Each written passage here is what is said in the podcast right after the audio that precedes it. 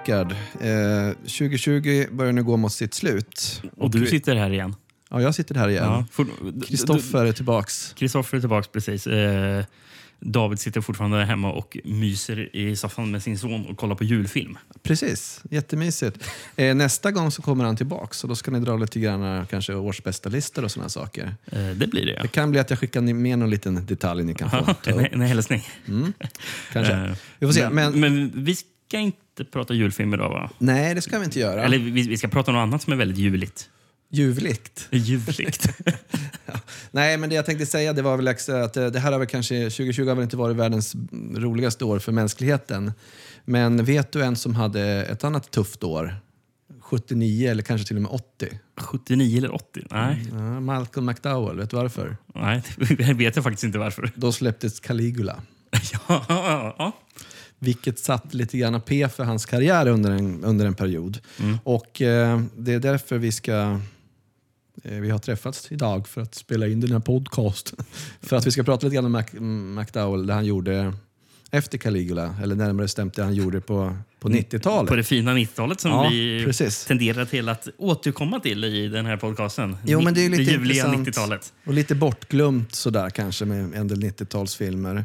Så, Och, eh, och, och, och, får får väl börja med att det här är ju full, fullständigt din idé att vi ska prata om Ja. McDowell. Ja. Ju, jag, jag, jag gillar ju egentligen inte ens Malcolm McDowell. nej, Eller, ha, ha, det, det är min bild av Malcolm, Malcolm McDowell. Att, och det beror nog mest på att han har varit med så mycket dåligt på Ja. mer, alltså 00-talet. Man förknippar honom nästan mer med det nu än med Clockwork Orange till exempel. absolut. Ja, Eh, nu, nu, nu, är han mer liksom en usel Dr. Loomis i Halloween 2. Ja. Eh, Vilket ändå liksom är en roll som han har fått lite upprättelse med. Han har gjort mycket sämre grejer än det. Kommer vi få erfara inte Men- minst under det här avsnittet. ja, ja, jo. Men anledningen men, att jag- men, men att kalla Dr. Loomis i Halloween 2, Ro- Rob Zombies Halloween 2 för upprättelse, jag vet inte fan alltså. Ja, ja. Det beror på vad man jämför med lite grann. Ja. Eh, men anledningen att jag tyckte det här var lite, lite intressant det är ju lite grann på grund av den bakgrund egentligen han kommer med. Med en väldigt liksom fin karriär i början. Alltså suttit och, eller gjort teater med Laurence Olivier och gjorde, precis som du nämnde, Clockwork Orange med Stanley Kubrick. Och, och var, liksom, var en väldigt välansedd egentligen skådespelare under en lång period. Ja, med mycket brittisk eh, film som är, som är Ja. här hö, högt aktad. Liksom. Ja, Dr. från den tiden. Chivag och allt möjligt sånt där var han väl med va? Han heter den? Oh Lucky Man heter eh, en film. Som, Mm. Precis, jag tror inte jag sett den men ja, precis. Heter den If, en film? Ja, För, för, för den har jag The sett för länge Trilogy of If tror jag den heter. Ja, kanske den gör. Ja, jag minns inte. Det var länge sedan jag såg den. Nej, precis. Men eh, sen så Du tog spelar ju... sig på en privatskola har jag för mig. Ja, jag tror inte jag sett den, jag har bara hört talas om den faktiskt. Eh, sen så tog det ju liksom lite stopp då kan man säga med, med strulet runt Caligula där eh, ja, Gore Vidal var väl inblandad för början och Tinto Brass och allt möjligt sånt där och hamnade i händerna på porrfilmsproducenter som klämde in massa hårdporr vilket man skulle kunna säga förpassade Malk McDowell lite grann ur finrummet. Ja. Och nå någonting som jag hört att Tinto Brass inte ens var nöjd med. Och Tinto Brass associerar ändå med att han, är, ja. att, han, ja, att han är lite eh, perverterad. Mm. Kan man kan säga. Men han, han, Tinto Brass nej, det här hör inte hemma i min film. Nej, precis. Nej. Nej, och det var väl mycket bråk om det där. Och det var väl en porrfilmsproducent som de redan tidigt så hade väl McDowell liksom varnat för. Fan ska han vara inblandad? Hur kommer det landa? Liksom? Men sa, "Nej, men lugnt, tänk på honom som en Warner Brothers broder eller någonting sånt där. Det kommer nog inte vara någon fara. Sen så var det väl ganska mycket skumma grejer runt produktionen där. Ja. Och eh, jag hörde faktiskt en, en intervju med McDowell som var inspelad nu under pandemin där han berättade att det han planerar att göra, han har ju aldrig velat prata om Caligula för att han tycker det var så, det kränktes han och de andra skådespelarna så mycket att de behandlades på det här sättet. Ja. Men att han nu funderar på att göra en enmansshow, en form av monolog där han bara berättar om inspelningen. För det finns så extremt mycket knasiga Okej. ja. historier Ja, okej. från inspelningen. Så att det, det, det vore ju kul om man kunde göra det då, innan han trillar av pinn, för han är ju under 78 år nu. Mm. Men jag ska dra lite kort om McDowell. Bara lite Ja, roliga saker vi kan ha med oss in i avsnittet. Så du kan luba oss in till 90-talet. Ja, precis. precis. Eh, det vi kan ha med oss är att hans favoritskådis är James Cagney. Och han menar att alla roller är lite grann en indirekt eller direkt hommage och är inspirerad av Cagneys sätt att agera.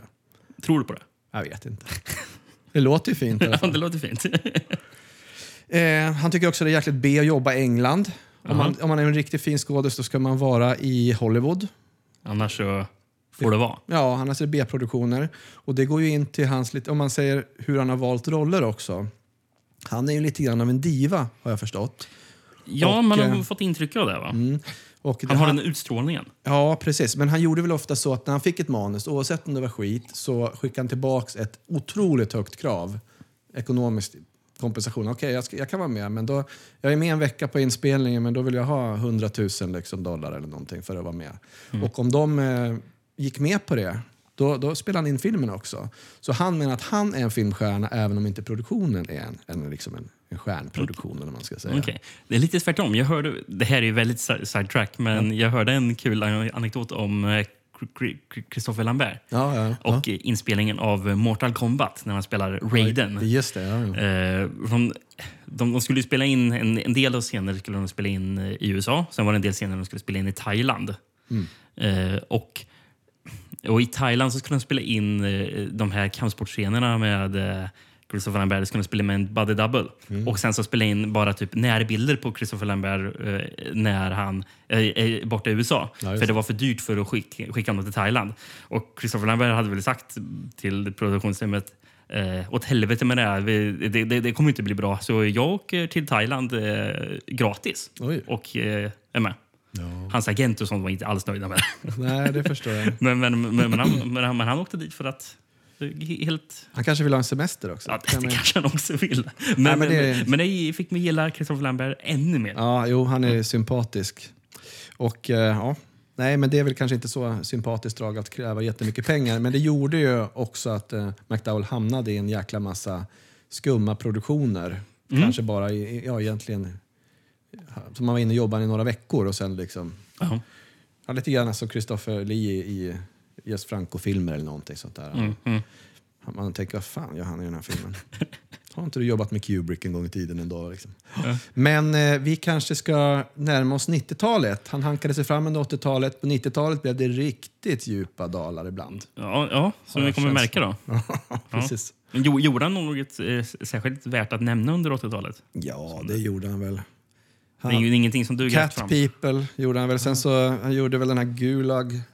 Sen så var han var väl inblandad i Star Trek Generations. Var väl en, Mm, jag tror jag senare under 90-talet va? Eller? ja, jag vet inte. inte. När det, när det började på- gå. Ja, det kan, jag kanske var på 90-talet. där Han, Nej, jag, jag, jag, jag har så Men jag dålig tror- koll på Star Trek så jag kan inte svara för det. Men man brukar ju säga att han fick svårt att jobba efter Caligula. Att det var svårt för honom att få roller och så Mm. vidare. Där. Att det var, det blev liksom, han, han fick ju bära hundhuvudet. Han kunde inte ta sitt ansikte ur produktionen. Liksom. Nej, nej. Han var så för, förknippad med den så att det blev liksom en pornograf på något sätt. Va? Så att eh, det var nog först på 90-talet han började liksom göra grejer som, som nådde ut i videobutiker och sådär på ett annat sätt. Va? Så vad säger du, ska vi börja 1990 då? Yes. Och vilken film ska vi börja med då? Disturbed, eller Driven till vansinne som den hette i Sverige. Ja, Driven till vansinne, precis. Det finns en film från 71, um, en tv-film som heter Taste of Evil. Eh, skriven av Jimmy Sangster, Okej. som har jobbat med Hammer bland annat. Så. Eh, och den heter också i Sverige Driven till vansinne. Jaha, okej. Handlingen verkar inte vara helt olik den här. Eh, kul nog. Ehm, i, Sp- I Spanien, jag tyckte bara var kul. Den spanska titeln lät fräsig. Los abusos sexuales del Dr. Russell. Det lät lite snuskigt också. eller, eller hur? Ja. Jag hittade en tagline också. The doctor is in, but out of his mind. Ja. Jag tyckte den var lite rolig. Eh, ja. ja. Eftersom den här filmen har lite komisk touch så funkar det ju ändå lite grann med. Ja, Jag hittade faktiskt en, sven- en svensk VHS på den också. Ja, vad kul. På framsidan står det våldtäkt och mord, en mardröm eller verklighet. Okej.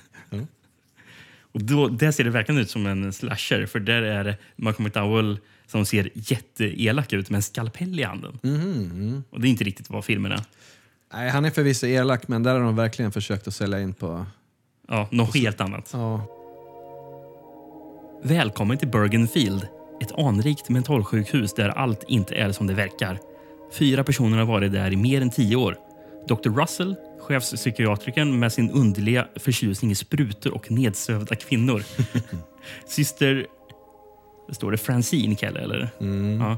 Med sin något sadistiska läggning. De andra två är patienter. Den överintelligente Michael Cub... Ja, det är lite suddigt så jag ser inte riktigt. Någonting. Någonting Michael. Eh, och den något fundersamma Pat Tuel som, har, som bär ett hjärta större än hjärna.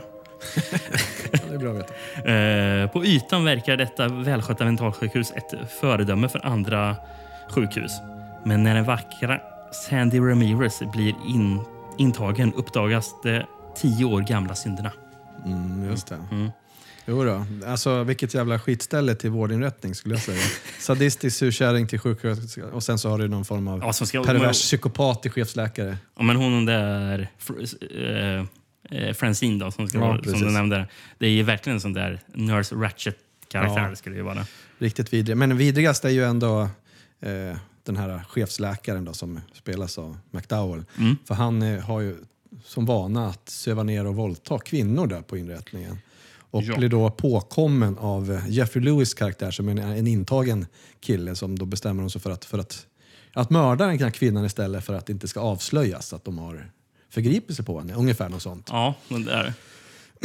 Och eh, hon eh, försvinner sen, hennes kropp, Mm, och eh, börjar dyka upp lite här och där. Och man vet inte riktigt om det är eh, McDowells karaktärs hjärna som börjar spåra ur eller om det är hon som... Nå- Något annat som spårar ur kamerarbetet när de visar de här synerna. mm, När Ja, han, när han ser henne. avancerad jag, jag, la upp, klippning. jag la ju upp ett klipp på, Ja, som man kan se på vår Instagram där man får se hur Malcolm McDowell ser Alltså, den här kvinnan på ett tak, ligga på ett tak. Och sen börjar Ja. kameran helt bara hetsigt klippa fram och tillbaka med ljudeffekter. Dum, dum, dum. Nej. Det är flera sådana, flera såna grejer. Det tar ju verkligen helt ur filmen. Man undrar liksom, så här, nu har de väl balla ur. Liksom, det här, nu har klipparen fått leka lös lite väl mycket. Ja. För det är ju inte, men det är klart, det ska väl förstärka liksom någon form av vansinne i filmen. Ja, men den blir mest komiskt. Ja, det blir det. Och överhuvudtaget så, så har ju den här filmen en, en ganska komisk touch. Vid ett tillfälle får ju till exempel McDowell ett skruvat sonogram, heter det va? Ja, just ja. Som den här kvinnan då som eh, är försvunnen har skickat till honom. Som är helt, helt sk- skumt. Han blir skitförbannad. Precis, kommer med stort sån här i alla, alla hjärtans dag Ja, hjärta visst. typ med kommer choklad. och och- sjunger en, en morbid tr- trudelutt för honom. Liksom. Just det, om att, eh, att hon blev dödad och sånt. Ja, precis. ja. precis. two, one, two, three. I'll never forget what you've done for me, cause now my days are worry free. And though I might be far away, you'll never know when I'll stop in and say, Hi, hi, hi, hi, hi, doody. And though I might be underground, just think of me when you're feeling down. To you I owe my present state, my torture, murder, and my rape. Pa! Det, de har väl liksom, eh, jag, vad ska man säga, det är lite så här gökboet lekfull med, med liksom tokiga karaktärer. Bland annat dyker ju Clint Howard upp. Som, Ja, återigen. Det, Ja. vi pratade, Clint Howard var med förra avsnittet och nu dyker han upp igen. Det blir man ju jag tror alltid glad över. rör man sig i de här skikten av 90-talsfilm så dyker han upp Clint ibland. Howard alltid upp. absolut. Eh, sen så har vi ju faktiskt också som galning har vi ju Adam Rifkin Mm. som vi pratade om senast eh, med Psycho Cop Returns som han hade regisserat. Jaha, just det. Okej. Eh, det är han som är den yngre långhåriga killen här Ja, på, ja. på sjuk, sjukhuset. Eh, Psycho Cop Returns hade han gjort. Sen har han gjort massor med såna National Lampoon-trafs. Ja, eh, precis. Som eh, homo, homo erectus. Ja, just det. Ja. Jag, jag gillar alltid att ta upp den titeln. För den, Den ligger fint i munnen. på något sätt gör den ändå det. Eh, så- ja, sen har vi ju även heter han, Deep Roy, den här kortväxte Ja, just det. eh, Okej. killen Ja. som man känner igen från saker. Mm. Eh, han har väl, som, som många kortväxta i Hollywood har vi blivit, fått spela e-box och sånt där. Ja, precis. Men, Ja, just det. Han är väldigt kortväxt, ja, det stämmer bra. jag läste att han egentligen heter Mohinder Purna och är född, inte i Indien, utan i Kenya. Ja, okej. Ja. Är han med Kalle och chokladfabriken? Är han Ja, som det är den här uh, Umpa Lumpian, va? Ja, Mm, precis. precis. Ja, det är där jag tror jag känner igen han mest ifrån faktiskt. Ja, Eh, det är, alltså, de har ju en jäkligt nedlåtande ton mot de intagna på det här. Även, även liksom läkarna liksom är ju... Jag, jag, för fan vilka loonies de är. Liksom. Eh, jag tror att manusförfattarens research kan ju inte, om, liksom, om psykisk ohälsa kan ju inte sträcka sig längre än att kolla på, på gökboet egentligen. Alla är liksom lite så lustigt koko. Ja, ja. Och lite lagom så här, mordiska också när det väl behövs. Ja. Så där. Så att det, ja, det är ju en, det är en ganska fånig film där. Men Men det, samtidigt det, det verkar ändå liksom trivsamt att vara galen. lite galen där, ja, Mm, precis. precis. Eh, Ja. Och det, det, som är ganska, det som gör att den här filmen räddas lite grann från att bli bara larvig, det är ju att eh, dels så tycker jag väl att McDowell och eh, Lewis, eh, som är hans parhäst här i den här filmen, har en rolig kemi och är liksom mysiga tillsammans. Han, eh, Geoffrey Lewis, han kanske man känner igen från stora fighten-filmerna. Med Clintan där och apan. ja.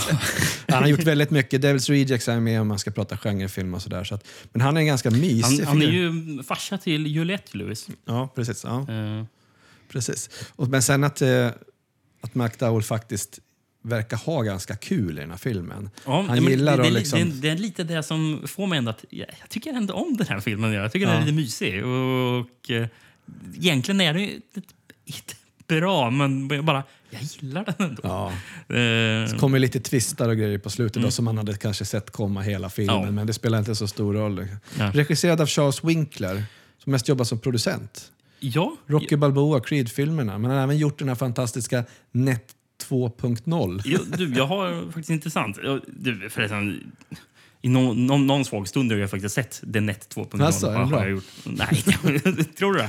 Eh, jag tror inte det. Nej, men han, han har ju två bröder också.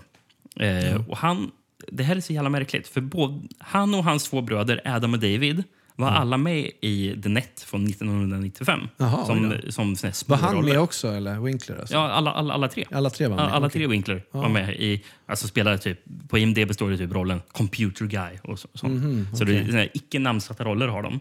Mm. Eh, sen så, brorsan Adam Winkler Ja. regisserade sen eh, några avsnitt av The Net-tv-serien från 1998 Oh. som jag inte visste eh, att Fanns existerade ens.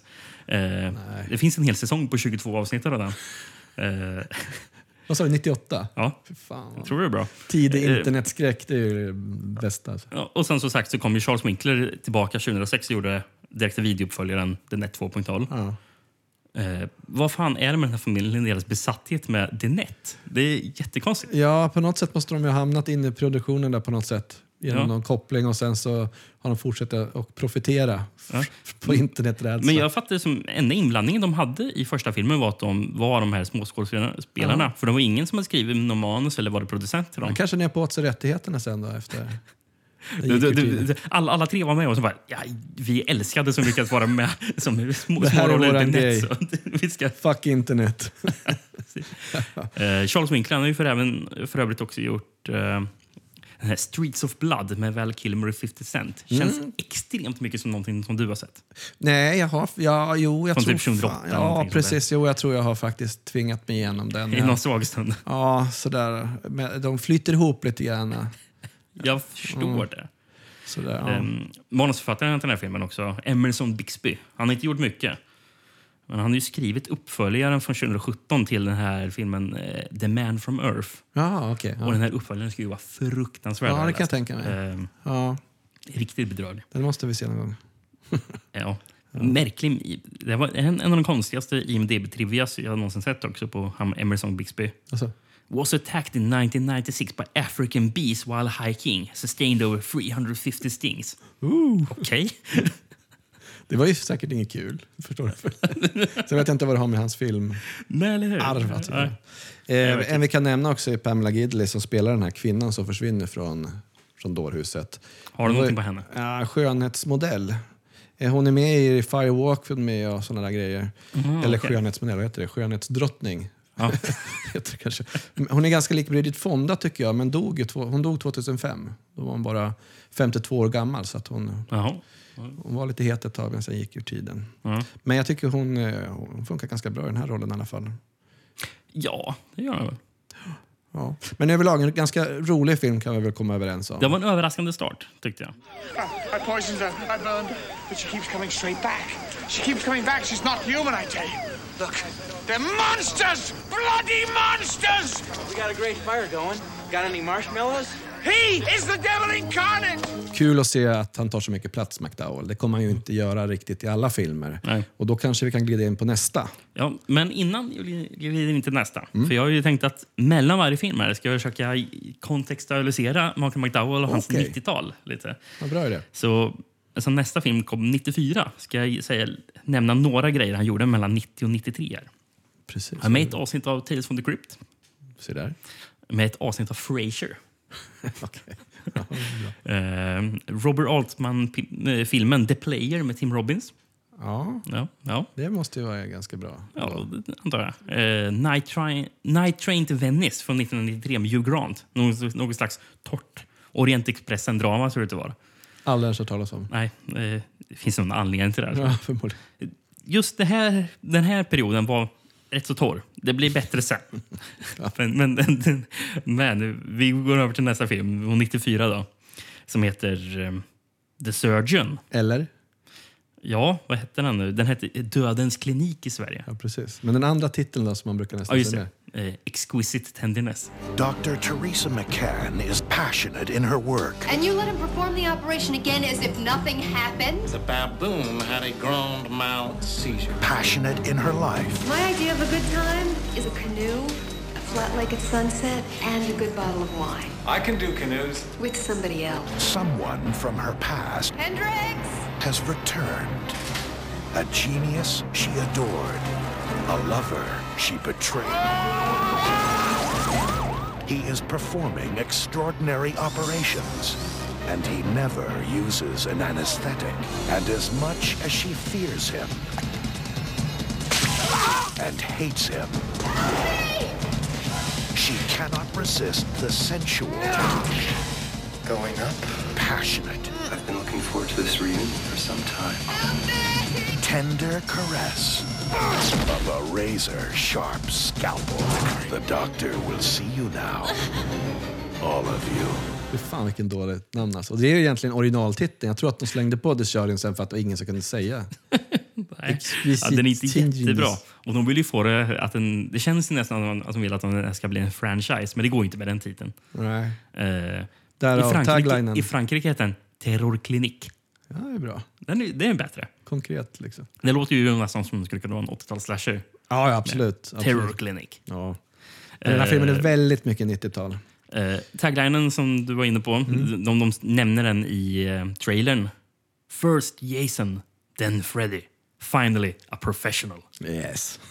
så jävla dåligt. Det är nästan så att de tror att det skulle kunna bli liksom en uppföljare eller en hel serie. Då, men det, Det är ingen som vill se mer av det här. Nej, men det är väl en sjukhus-slasher i alla fall. Och vad, egentligen, vad kan passa bättre i, i dessa tider? Då? Det kryllar ju av folk med munskydd och sånt. Så att, det Ja, passar väl ganska bra serien i år också. Ska vi se, svenska VHSen, Dödens klinik.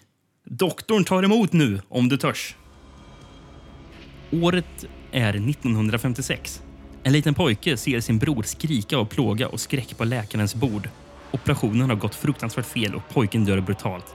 Det är en stund som Dr. Julian Matar aldrig glömmer. Dr. Farisa Cooper har trots sin ringa ålder fått en ledande, ett ledande jobb som kirurg på ett stort och välkänt sjukhus. Sjukhusets ledande forskare Dr. Stein experimenterar med kirurgisk implantering. Hans forskning har fått mycket beröm och uppmärksamhet men Farisa tror inte att allt är som det ska. När Dr. Steins försökspatienter avlider börjar hon undersöka saken vilket resulterar i att hon blir suspenderad. Theresa vägrar att ge upp och under, sin privata under sina privata efterforskningar stöter hon på en av sjukhusets tidigare forskare. En man som använt sin egen kropp till mycket otraditionella försök och snart är det inte bara patienterna som lever farligt. Nej, det kan man ju säga. Det här är en sån här typisk film där McDowell har dragit in 100 000 dollar för att vara inne en vecka och jobba. De, Det känns de, som det, ja. De använder väl han lite grann i början av filmen för att man ska tro att han är the bad guy. Men sen plockar ur den i filmen ganska snabbt och Mm, spinner vidare på ett annat sätt. Så att själv när man sitter här och har byggt upp lite McDowell-sug, då blir man ju lite besviken att han försvinner så snabbt kanske. Men eh, ja, annars så är det ju en väldigt 90-talig film det här. Det känns ju som att man, man märker att Die Hard har på något sätt har influerat att de ska vara på en isolerad plats och det ska krypas runt i ventilationssystem till, till blått ljus och sådana grejer. Så det, det känns ju verkligen 90-talet. Ja. En, en väldigt 90-talig scen det är när filmens två huvudpersoner, eh, spelat av Elizabeth Glasser och James Remar när de är inne på en, eh, ja, vad ska man kalla det för? Någon form av restaurang med ett stort delfinakvarium. Tänkte du på det? Nej. De står och pussas lite grann och så stora delfiner som åker runt in i restaurangen. Det är ju skit så sjukt att ha på en restaurang. Ja, ja, verkligen. Annars, vad tyckte du om den här filmen då? Jag tyckte det här var rätt så tråkigt alltså. Tyckte du? Eh, Sömnigt.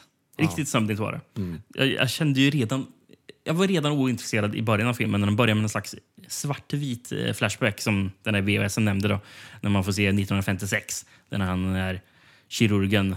eh, och, ja, någon pojke som dör på bordet. på Ja, det är hans den här- brorsa. Okej, men den kirurgen verkar ju ha gjort det med flit. Jag vet inte, han misslyckas. Han försöker rädda han fast Alltså, det ser inte ut som det. tabbar sig så det börjar spruta Alltså, det ser, blod och det ser grejer. ut som att det är avsiktligt. Ja, jag vet Eh. inte. Han blir traumatiserad i alla fall. Då. Ja, och sen här- så spelas den, här låten Lollipop. eh, spelas. Ja, just det. Precis. Och senare i filmen nämner de där "Åh, han var med om en tra traumatisk upplevelse och då spelades den här låten Lollipop om du minns. Ja, han lägger väl klubbor också när han Ja. har dödat någon där på sjukhuset. För det är hans signum, en klubba. det är jävligt ruttet alltså. Nej, men den är, jag, håller med, den är inte speciellt engagerande. Och det är till trots att den faktiskt är ganska bra hantverksmässigt tycker jag. Jag blir- Gjord. Alltså, det är snygga effekter, ganska bra liksom, går-effekter, det stickskanyler i ögat Ja. och sådana där grejer. Så, men jag tycker det stora problemet med den här filmen, det är huvudrollsinnehavaren. Den här kvinnan Isabel Glasser. Ja. Hon är så jävla torr och tråkig och sur hela tiden. Jag försökte Och- kolla upp vad hon hade gjort. Hon hade, hon hade inte gjort så mycket spännande. Ja, inget Men, kul alls. Eh, ja, The Enemy Within från 1994 med Forrest Whitaker. Vad tror du om den? Jag tror jag är skittråkig. Ja. Vad, vad tror du om fighterjet-filmen Tactical Assault från 99 med Rutger Hauer och Robert Patrick? Den kan vara lite bättre. Den kan vara lite bättre. lite mer... En film som jag, tror, som jag tror lite på. Ja. Eh, men så jävla dum, dum, dum VHS-omslag jag hittade på den. Filmen Death Ring. Eh, där det står Norris, Drago, McQueen, Swayze. Okej. Och man tänker bara, okej, Norris, eller Chuck Norris? Bara, det, det är ju inte Chuck Norris, utan det är Mike Norris. och sen står det ju Drago. Ja, det är ju Billy Drago, för det är ingen Ja, annan som... ja. Ja. Så det, det, det är väl det där. Men sen så McQueen. Vad, vadå, Steve McQueen? Eller vad ska du försöka lura folk med det? här? Bara, Chad McQueen. det är inget efternamn man bara skriver efternamnet på. Nej. Och sen Swayze. Jaha, Patrick Swayze. Nej, Don Swayze. Ja, det är klart. Det är klart. Så jävla rutten film verkar det vara. Men Ja, det verkar lite- lite härlig ändå. För Billy Drago sitter med ett stort gevär på omslaget. Ja, det ser coolt. Det känns coolt. Och sen har Don Swayze på sig camo bandana. Men man är nästan inne på mockbuster-territorium när man liksom blåser upp efternamnet på brorsorna. ja, precis. Den här filmen är från 92. Ja. Eh, Kanske värd att kolla in. eh, eventuellt. Ja. Eh, någonting som jag reagerade starkt på. Alltså, dels så kan vi nämna James Remar. Alltså, det är han som spelar Dexters farsa. Och han är ju med hur mycket som helst. Typ Ja. på 100, 200 credits på IMDB. Men han är en jäkligt mysig skådis tycker jag. Mm. Han puttrar på rätt bra. Försöker väl hålla upp det lite grann, tycker jag. Eller gör väl det lite grann när Isabelle Glasser är så jävla tråkig. Men de har ju en sexscen i någon jävla pool. Vad var det med 90-talet och de här full frontal male nudity-grejerna som alltid skulle vara med? Kan du svara på det? Det kan Varför ska man visa. Pillesnopp hela tiden på den här perioden? Ja, det vet jag inte. Ja, men det var Bruce Willis skulle visa snopp. Alltså alla skulle, karar skulle, det var liksom grejen då. Var det någonting med att det gick direkt till, att det var andra, andra regler på det, kunde släppas på video liksom? Har ingen aning faktiskt. Det är jättekonstigt. Kanske ja, konstig trend. Ja. Ja, Intressant. precis, precis. Eh, Förutom James Remar så är även Peter Boyle med. Ja, Charles Dance är med också. Och Charles Dance är så jävla tråkig i den här filmen. Jag somnar varje gång jag ser den. Han sitter i sur bakom något skrivbord och Ja. lyssnar inte på vad folk vill säga. Nej. Ehm, En rolig grej, en liten låt som spelas eh, när Glassers karaktär går in i, till ett rum där en tjej som eh, har med om en bilolycka ligger. Så spelas eh, Booyah Tribe, en Booyah Tribe-låt. Då kan man passa på att säga Rest in Peace till Gangsta Rid som dog för typ en vecka sedan i Corona, som var deras ledrappare.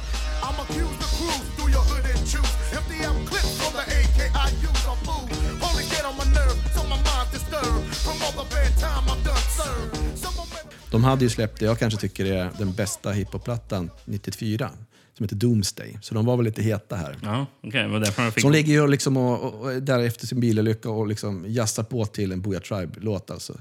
Gängmusik från Los Angeles. Tyckte, jag, tyckte det var passande i den här filmen. Nej, det kändes väldigt inklämt, men jag blir alltid glad när man Booyah Tribe. Jag tror de spelar eftertexten, kör de också samma. Okej. I alla fall en Ja. Booyah Tribe-låt. Jag tyckte det var lite Ehm. kul. Mördaren heter Matar. Tycker du det är ett bra namn på en mördare? Spanska för att döda, eller tror jag det var. Ah, okej. Eh, Då, då förstår jag. Ja, Mm. Det är inte ett dundernamn. Det- är blev- Red Herring kan man säga. Ja. Lite väl uppenbart. ja. Tydligen ska Ma- Malcolm McDowell i en intervju sagt att han fick 100 000 dollar för en veckas arbete. Ja. Så det stödjer ju den tesen du drog fram förut. Förmodligen bara dunkade in liksom. Ja, visst, jag är med, men då får ni... Fuck you, pay me, så att säga. Liksom. Och det gjorde de. Ja, precis.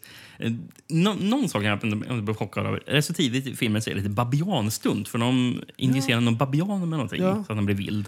Det var nästan Och- det och mest det- gripande i hela filmen. Och det är ju en person som är inne i det här rummet med babianen och den där babianen är vild. Alltså vrålar och skriker och det ser ut som om den ska döda någon. Ja, visst. Är helt... Och hopp, alltså kastar sig runt omkring i rummet. Och den där stackars stundsmannen eller vad det är, är ju där inne. Det måste ju vara en babianskötare. Eller Det om ser det finns någon... livsfarligt ut. Även om det är en skötare. Och sen söver de ner Bab- Babian. Jag tycker det är så jävla synd om Babian. Varför ska han behöva utstå med den här skitfilmen och bli nedsövd? Liksom? Kanske samma babian som var med i den här Chakma. Ja, kanske. Lite samma sorts Ja. stjärt. Jag vet inte hur man identifierar Babian. Nej, inte jag heller. And Shakma. Shocking audiences everywhere.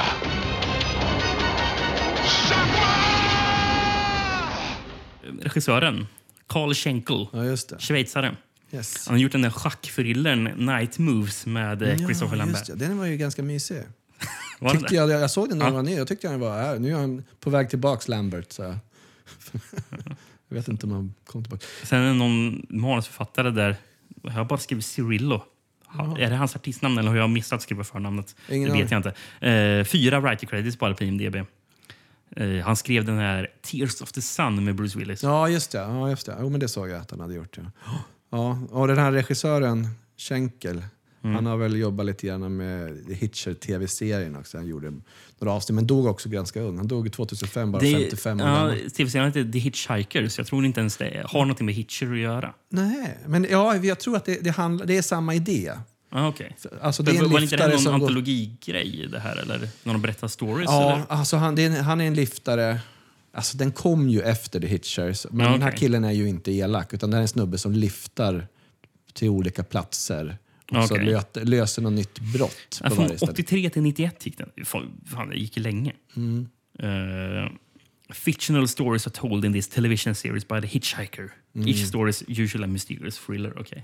Ja, jag vet att jag Så han- såg några avsnitt. Jag tror den gick på, jag tror den kanske gick på TV1000 eller någonting sånt där. Så Nej. man såg den där då för, på 90-talet någon gång. 85 avsnitt finns det i alla fall om man är intresserad. av att Kolla upp. Var är Blu-ray-boxen?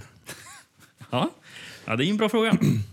Ja, nej, men det här var ju, det är ändå liksom så här, den här filmen hade jag faktiskt inte hört talas om och det, hantverksmässigt så är den ju ganska ambitiös och även med skådespelare, egentligen birollerna mer än, än huvudrollskaraktären som är riktigt sunkig. Det är bara Det blev inte så som kul. inte riktigt Nej, håller.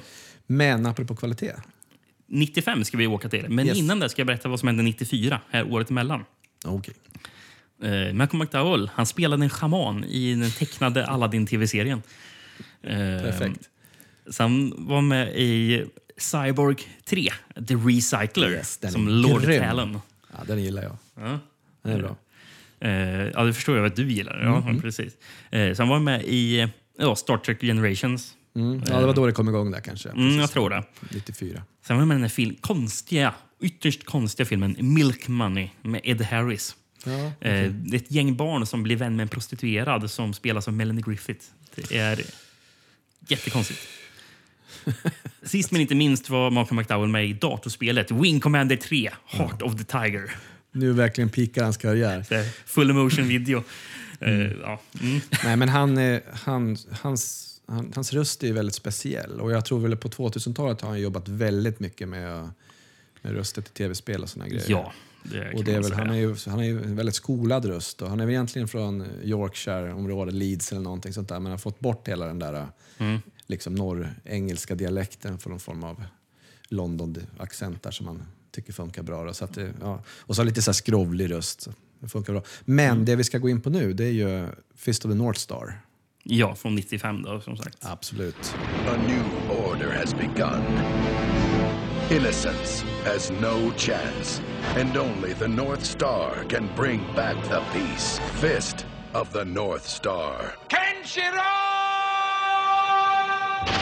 Med Gary Daniels i huvudrollen. Mm. Baserad på en eh, manga som sen blev en anime som sen blev den här live action Precis. filmen. va? Mangan är ju skriven av han eh, Bronson. Ja, precis. Eh, tillsammans med Tetsuo Hara som gjorde som typ ritade den tror jag. Ja. Men eh, Bronson har vi faktiskt nämnt tidigare i From Beyond. Mhm. För han gjorde ju den här Doberman Detective som var Ja, förlagan till Doberman Cop med Sonny Chiba. Ja, just det. Just det. Eh, det var ju Bronson Mm. eh, som låg bakom den. Det som är lite speciellt i den här produktionen det är att de har ju behållit väldigt mycket av de japanska namnen, japanska miljöerna liksom och, och så. Fast sen liksom då gjort det på engelska med amerikanska skådisar, eller engelska Gary Daniels. Ja, till exempel Gary Daniels karaktär heter Kenshiro. Ja. Men är ju en icke-japan. Nej. Nej, det är han ju inte. Och det är, det är inte många, ja, det är väl några asiater de har slängt in bara för Ja, ja, intensitet på något sätt. Sådär. Men, Vill du höra den svenska VHSen först? ja, absolut. Det står Gary Daniels, Mad Max möter Highlander. Ja, Ja, lite ish. kanske. Ja. Han utsedd till att utrota det onda och skapa ordning i en värld av våld och kaos. Så stod det på framsidan. Då blir man sugen. Mm. Ehm, sen så är det ett citat från LA Times. En makalöst välgjord actionfilm. Så nära det definitiva actionäventyret man kan komma. Precis. Jävlar, det var inte lite Perfekt. praise. Kenshiro är en framtidens krigare. Han är Fist of the North Star, en beskyddare av det goda som slåss för det svaga och för rättvisan i en värld styrd av våld och kaos. Hans ärkefiende är Lord Shin, som med brutal grymhet utnyttjar det svaga för att stärka sin makt. Malcolm McDowell är Ry- Ryuken, eller vad var det? Ryuken. Ja, det är lite suddigt så jag ser inte riktigt Hans farsa. Ja, Kenshiros döde far, vars goda själ vägleder Kenshiro mot sitt mål att förgöra Lord Shin. Det blir en våldsam kamp om makt och rättvisa där det inte räcker att bara vara starkast för att vinna. Ja, så är det ju. Alltså, den här filmen är ju en jäkla mischmasch av olika saker. Och den är ju väldigt ambitiös när det kommer till klippning och miljöer och kulisser och grejer. Ibland är den inne på så här riktiga så här Ricky O, ja, Story of Ricky-effekter. Ja. Med- Ja, den är överraskande våldsam. Ja. Eh, kanske har att göra med att regissören är eh, Tony Randall som gjorde Hellraiser 2. Ja, precis. Eh, så- precis. Han gillar lite effekter. Tix också har jag gjort. Och först och främst, eller främst, Amityville 1992, It's about time. Ja, just det. Den bästa. Ja. Han, var ju, han var ju vicepresident på New World Pictures. Ja, ja. Det. Han började sin karriär i postrummet läste jag. Ja, ja, jobba sig upp så Ja. klassiskt. Ja, Det är det är lite coolt ändå. Ja, men jag förstår varför folk avskyr den här filmen, för många verkar göra det. Och Det har ju säkert mycket att göra med att den inte kan återge liksom, animen eller mangan och sådär. Men för den mig den så, är ju rätt så fattig också. Är den. Eh, det, de komprimerar ju väldigt mycket på en det, är väldigt, timme. det är väldigt mycket samma miljöer och sånt. Det känns som att det är inspelad... Men samtidigt, den här röran liksom, postapokalyptisk framtid, kampsport och japansk chosen one, mumbo jumbo. Jag tycker det är jäkligt underhållande. Jag tycker om det. Jag, jag läste någonstans var någon som jämförde med att den här påminde om Cyborg. Vad säger du om det? Ja, det är faktiskt en grej jag skrivit, att den påminner. Den öppnar ju nästan exakt likadant som Cyborg genom att man panorerar över en massa trasiga hus och det är en speakerröst. Här är det McDowell då, som, Mm. som na- narrerar och, och liksom berättar om den nya världen och så vidare. Vilket är precis så ser Cyborg ut. Sen så är det ju precis som du säger, miljöerna är ju de liknande varandra. Och, för mig betyder den här filmen ganska mycket när den kom. Dels hade man ju sett lite grann av, av, av eh, anime-serien men sen så, ja, typ Method Man kallade sig för The True Fist of the North Star på hans PLO-style-låt som kom året innan. Och så där. Så man, det var liksom infört i populärkulturen redan att det här, nu, det här är coola grejer. Så att, och sen så då och nu så jag, gillar jag ju schysst kampsport och det finns det väl ändå i den här filmen lite grann. Alltså, grejen är att Gary Daniels är väl bra på det han Mm. gör. Eh, problemet tror jag är att Tony Randall är inte en actionregissör. Nej. För många av actionscenerna är väldigt så här, mycket närbilder så man ser inte riktigt vad eh, Gary Daniels gör. Men är inte det typiskt amerikansk? Jo, jo men, det, men det är ju det. Action, Men, liksom men, men, det är väl lite synd när, när det Ja. faktiskt är en... För, för, för, för många amerikanska filmer gör man ju det för att dölja att skådespelaren inte kan slåss. Nej, precis. Men här Ja. kan ju skådespelaren faktiskt slåss, Ja. men man väljer ändå att filma på det sättet. Man, man klipper sönder det lite grann. Man Mm. hackar upp det för mycket. Men, men det, fin det finns absolut sina coola, coola scener. Eh, Det, det, det, det, det är mycket som känns som att man har... Alltså, som känns bara... Man märker att det här är baserat på manga Mm. eller anime i, i hur... Tonen på det liksom. Ja, men, ja, men hur vissa scener är filmade. Till exempel när Gary Daniels ska göra sin eh, sån här specialmanöver. Liksom. Och då bara, fan, det här ser ju verkligen ut som att det skulle kunna vara alltså, nästan scen för scen från... Det är det att, att se att, eh, vad ska man säga, att eh, karaktärerna står väldigt stilla men bara armarna rör sig. Ja, det är men- ja, här men mycket sånt där. Liksom. Ja, men precis. Eh, s- samma sak när Shin eh, gör sin... Eh, Costas Mandalore. Costas Mandalore. Davids favoritskådis. Är det det? Vad kul. Jag tycker han är lite lik Glenn Danzig. Visst det är han som är med i lite så-filmer och sånt där också? Ja, ja precis. Mm. Är jättetråkig, Costas Mandalore. Eh, Men, men, eh, ja, men eh, när han gör sin manöver som gör att eh, han gör massor med hål. Ja, på, de har ju varsin sån där. Ken, alltså Gary Daniels karaktär, han, han gör ju en kombination och sen exploderar huvudet på, på det slaget. Eh, Mandalore gör ju en kombination och så exploderar blodkärlen. Och börjar Precis, spruta. börjar spruta blod ur hå- Alltså, det är hål skithäftigt, ja, jag. Ja, men det, ja, men det är riktigt snyggt. Men, men och det ser väldigt mycket ut som att det skulle kunna vara där, väldigt likt hur det är. Ja. Ja. Nu har inte jag sett den, så jag vet inte om Nej, det är likt, men, sett- men det känns som det. Jag har ju faktiskt DVD-boxen med alla avsnitt av tv-serien hemma i hyllan. Det är ju- inte så 120 avsnitt jag vet, jag såg tre, sen så gjorde jag började göra någonting annat. Men den är ju också så här våldsam som den Ja. filmen är. Att det sprutar väldigt exploderar huvud och sprutar blod. Och då så. fanns det ändå som att den här blev att man tog bort rätt så mycket våld från den. För att den var för våldsam. Shit, då vill man ha en director's cut. Mm. Nu. eh, kul personer som dyker upp. Chris Penn innan han blev en vandrande kokaincirkus som han sen blev. Han tittar in och säger It ain't easy being sleazy. Ja, Han har ju, blivit, han har ju fått den här, eh, Den här behandlingen ja, precis, av, av Gary Daniels. Och hans huvud håller ju på att explodera men de har ju typ tagit sån här läderband och bundit runt hans huvud så att inte huvudet ska Ja, explodera. precis. Ibland rör det sig lite grann. På, ja, det är ganska roligt. Sen dyker ju Clinton upp igen. Clinton Howard är med, ja. Kommer in genom drive-by med på någon slags motorcykelsidoväg. Han är en slags bandit. Ja, precis. Precis, samma gäng som Chris Penn där. Ja, precis. Van Peebles, fr- alltså, som gjorde Sweet, Ja. Sweetbacks Badass Song. Marvins pappa, eller Marvins pappa. Mm, just det. Är med lite grann, väldigt, väldigt lite. Mm. Men han är ju med i, den här, i det här samhället som Kenny Chirot försöker för, försvara. Då. Mm. Tillsammans med, vad har vi mer? De, de, de viktigaste karaktärerna är, väl- är väl vad heter de? Bat och Lynn som är ett syskon. Två, Ja, ungar som han, som han hjälper. Ja, just det. Eh, Bat spelas av han Dante Basco som jag tror de flesta kanske har sett i Hook. Ja, Som är precis. ledare över barnen. Eller vad. Jag tror det är han som dör, ja, visst gör han inte det? I, ihop. Jag, kan inte, jag minns lite ingenting av Hook. asiatisk kille i alla fall. Ja, precis. Och sen så har vi då, som spelar för Nalona Heron. Enda grejen hon har varit med om att hitta noll information Aha, okej. mer. Finns ingenting. Hon är blind och så träffar hon på Ken och han bara sätter fingrarna på hennes typ, tidningar och så börjar hon de se igen. Precis. Ja. Han är riktigt Jesus-karaktär. I mangan fattar jag, fattar jag det som att hon är stum. Man ändrar, Jaha, ändrar. Mm. på det här. Har man gjort. Jaha. Ja, ja. Eh, någonting som jag tycker är lite kul i den här filmen det är de här jättepompösa körerna och blåsarrangemangen som är i soundtracket. Det är verkligen så här, signalerar att det här är en stor äventyrsfilm.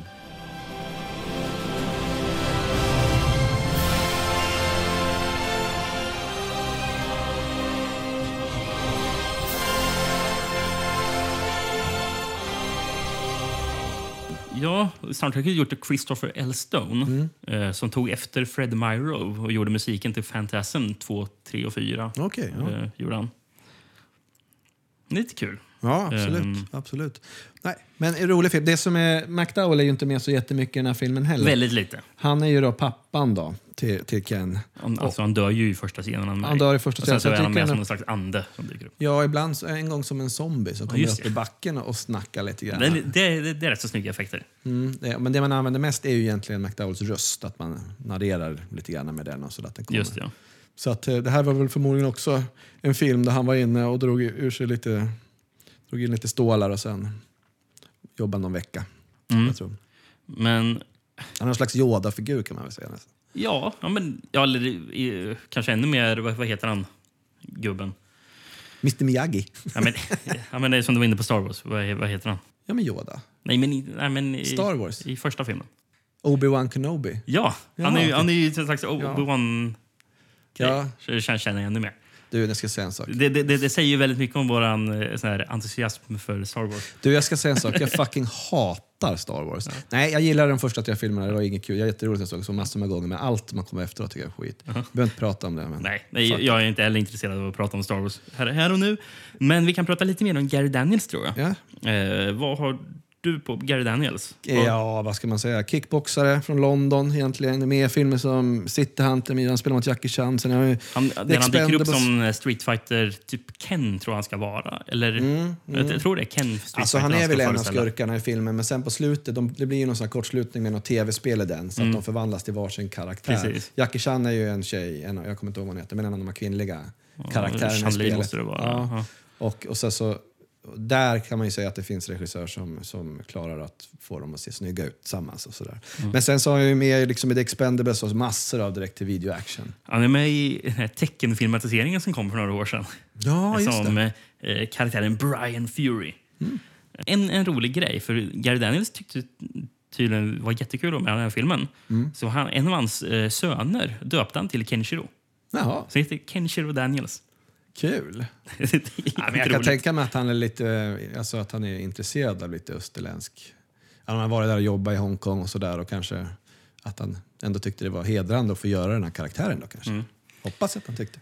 Apropå förresten, du nämnde att eh, den här filmen behöll eh, så här karaktärernas namn från japanska, alltså animen, så att de heter samma grej. I, I Japan gick den här filmen på bio, men i USA så gick den direkt till video. Ja, okej.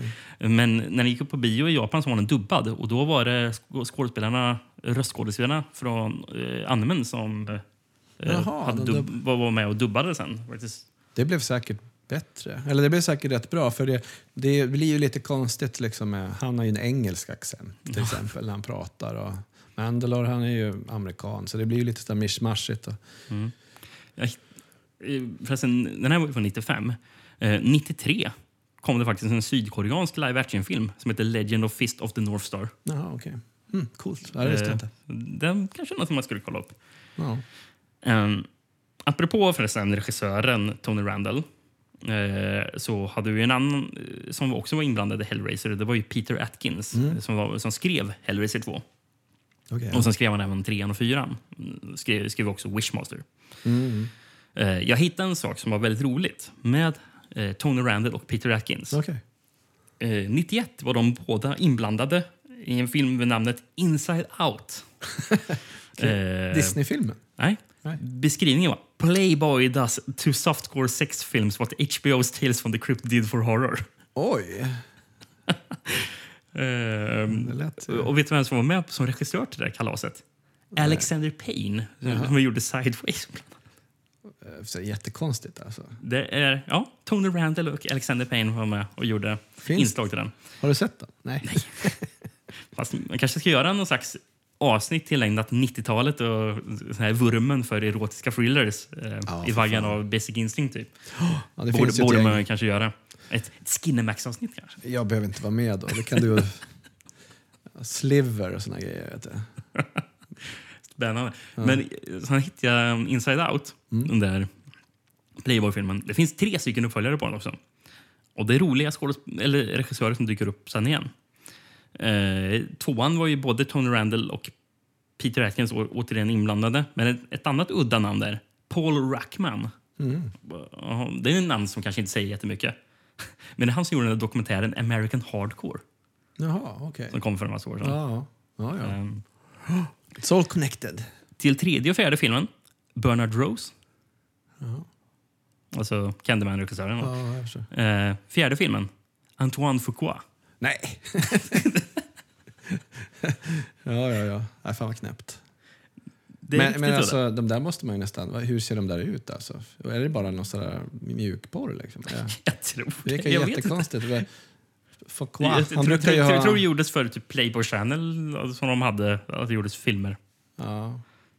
Ja, det är skumt alltså. Det är riktigt Det där måste man grotta in sig. Fuqua är ju lite grann av en före detta favoritregissör till mig som sen jag tycker har blivit sämre och sämre successivt. Men Ja, han kom gjorde in- Training Day, Det var väl liksom Eh. han fick oss det, det blev, blev riktigt stort. Sen så har han gjort den där... Four Brothers eller... Mm. Ja. Sen när de åker pansarvagn med, med Brad Pitt och... Just det, vad heter han?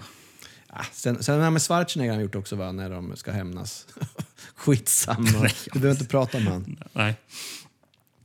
Vi går vidare på nästa rulle. Ja, och vet, du vill du veta vad McTower gjorde 95 då? Ja, verkligen. Eh, återigen pratar vi lite erotisk thriller här. Den erotiska thrillern Dangerous Indiscretion med C. Thomas Howell i huvudrollen. Åh, för fan. Han var riktigt het här. Sen var han med i Tank Girl. Ja, just det. Oh. Så jag med Ice-T. Eh, Sen så var, återigen, nu Wing Commander igen. Wing Commander 4, The Price of Freedom. Men då är han rösten till tv-spel, va? Ja, ja men precis. Mm. Eller, eh, röst, jag tror Wing Commander har här full motion video. Mm. Eh, som, har, som, har, alltså, som har filmat Ja, ja, ja, ja. skådespelarna och sen så klippt in videosekvenser. Okej, tror jag. okej. ja. Eh, det tror jag att det är. Ja. Eh, och sen så var han även med i barnfilmsäventyret Kids of the Round Table när han spelar Merlin. Det gjorde han säkert. Det hade han säkert kul, tror jag. Ja, Satt där och mös lite grann. och Läste lite formler och det, vad Merlin kan ha gjort. Ja, hade du kul när du såg den här filmen från 96 vi ska prata om då? Yesterday's Target, en tv-film. They came across time with extraordinary powers. Sent on a mission Objective. to save our future. Year 2025, the situation becomes out of control. by altering the present. Yesterday's target. Nej, det kan jag väl inte säga att jag hade speciellt mycket roligt när jag, när jag, när jag såg faktiskt. Den är väl, det skriker ju verkligen tv-produktion alltså. Otroligt mycket. Och de har ju Alltså, de har ju verkligen dragit på ett manus som egentligen skulle behöva lite mer budget. Det är Showtime som har producerat den och det handlar alltså om... Ja, har den någon form av... Jag har en svensk VHS på den. Okej, oj då. Ja. Överraskande nog. Ja, lite så. På framsidan står det med en mordisk organisation i hälarna kämpade för, för minnas sitt... Ja, de har skrivit fel. Kämpade för minnas sitt uppdrag. För att minnas ska det kanske Ja, ja, ja. Men Det- det, har de inte skrivit. Det tyder på att ett bra bolag när de har stavat fel på baksidan. Det är liksom. SF som har gett ut den här VHSen. Mm. Klantarsel. Från en mörk framtid kom det för att säkra sin egen existens. Spännande thriller med bland annat Morgan McDowells och Baldwin-brorsan Daniel. Jag fick bara vara brorsan. I en nära framtid, isolerade från omvärlden, lever en grupp människor med speciella psykiska förmågor. Fruktade av sin omgivning är de ständigt på flykt undan en organisation kallad Syndikatet som inte skyr några medel för att göra slut på deras existens. För att säkra deras fortlevnad skickas Paul Harper och två kollegor tillbaka i tiden för att ändra historiens gång och förhindra att syndikatet grundas. Men under tidsresan går något fel och alla tre förlorar minnet. Tre år senare blir Harper uppsökt av en, av en man som hjälper honom att återfå minnet och med syndikatets prisjägare i hälarna måste han hitta sina vänner och slutföra uppdraget. Mm, just det. Låter ju som någon slags eh, Terminator-historia med Ja. ja. tidsresande... Lite så, det är även lite scanners över den här filmen tyckte jag. Ä- Fast- ä- fast Även, lite så här, typ X-Men eh, över att de har olika krafter och sånt där. Ja, så här, precis. Days of Future Past, att de ska åka tillbaka Jo, så. lite så är det ju. Problemet är att de inte haft råd att göra någonting. Häftigt i den här filmen. Ja, det, Den- det märks är- ju att det är tv. Ja, det gör det. Danny Baldwin han har väl någon form av telekinesi eller vad det heter va? Och han kan ju liksom röra prylar. Mm. Men får, får man också tänka på typ Firestarter eh, Jo, ju... som Mark McDowell var med i den här Ja. Ja, tv-filmatiseringen Firestarter Rekindled som jag och David pratade om Ja, i. King-avsnitt. Ja. Men det är den här TK Carter, han som är med i The Thing. Carpenters The Thing. Han, Ja. Svarta killen där. Han, är ju, han kan ju skjuta eldbollar eller någonting sånt där. Eller det är inte riktigt... Alltså de har inte klarat gjort det där. Utan varenda gång han ska skjuta sin eld då har man liksom stått med någon sån här blåslampa lite se, vid vänstra sidan av kameran och bara psh, blåst in sig så ska folk kasta sig iväg. Ja, det är så jäkla, jäkla B faktiskt. Sen så är det en kvinna också, spelas av en tjej som heter Stacey Hayduk. Hayduk som, eh, som då också kunnat se in i framtiden. Då. Ja. Och de då ska ju gömma sig för den här liksom, organisationen som Malcolm McDowell då styr eller chef över på något sätt. Just ja. Han håller samtidigt på att ska... Med LeVar bli- Burton också va? Som är ute och, för han är också jagad honom va? Ja, Eh, precis. Han är ja. ska, Star Trek-skådisen. ja, just det. Eh. Precis, det stämmer bra. Faktiskt. Och sen har de, Danny Baldwin har väl någon som hjälper honom. Eh, Aaron Winfield spelas av gubben Richard Hurd. Ja, just det. Eh, Precis. Mm. Eh, som jag associerar mest med att han spelar Willem eh, från, eh, som är i Seinfeld. Han spelar eh, George Costanzas eh, kollega eller boss eller någonting på, när han jobbar på The Yankees. Ja, jag är inte riktigt lika in- inläst på Seinfeld som, som ni är. Nej, man försöker klämma in väldigt mycket på de här 76 minuterna. Det känns ju Ja, precis, en- för den är bara 76 Ja. minuter som sagt. Det känns ju lite grann som en pilot till en tv-serie, att man ska liksom ta, ta, ta vidare till något, något nytt efter det här. Liksom, Det känns som mycket som saknas va? Ja, väldigt mycket. Men det finns en, en extremt dum scen som jag liksom fick lov att titta på två gånger. Och det är ju en, på ett ställe i filmen, då jagar alltså Daniel Baldwins, Baldwins karaktär och eh, den här eh, T.K. Carters eldblåsande karaktär i en bil Mm. På, på en landsväg, kör snabbt och så grejer. Och så skriker ju den här T.K. Carters karaktär eh, kan inte pressa motorn mer nu. Liksom, så här. Och då svarar han så här, I'm not pushing the engine, I'm pushing the car med sin telekinesi. och så börjar han ta i så att det bara börjar blöda näsblod. Liksom. Och samtidigt behöver den här, börjar då, han skjuta eld, då, T.K. Carter. Så får man se att det blåser in lite eld från sidan och så är det någon skylt som så Ja. Den är så jävla fånig. Det ser inte så coolt ut va? Nej, Ehm. inte på en fläck alltså. Nej. Man kan undra hur han hamnade... Det här kan ju inte vara piken av McDowells eller karriär direkt. Mm, nej. Det här kan ju inte värdigt någon som liksom har spelat teater med Olivier. direkt. Men en, en kul skådespelare som är med också i den här filmen, eh, Trevor Goddard, som spelar en av eh, McDowells goons. Jag vet inte om du la märke till han. Han Nej. pratar också med engelsk accent, ser ut lite grann som en grövre variant av Colin Farrell ungefär. Ja, det tänkte jag inte på. Nej, men han, han spelade bland annat Kano i Mortal Kombat. Ja, ja, okej. Den skådisen. Ja. Och så är han med i den här Dolph Lundgren-rökaren Man of War. Eh, och han dog bara några år efter här faktiskt av en Ja. överdos. Bara 40 år gammal.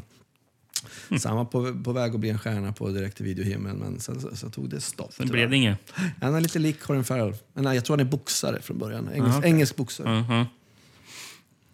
Eh, jag ser, jag att, kolla upp, regissören hade inte gjort någonting intressant. Kan jag säga. Barry Samson tror jag heter. Eh, ja, det var ju en ytterst icke anmärkningsvärd karriär. Eh, Han har gjort lite tv eller?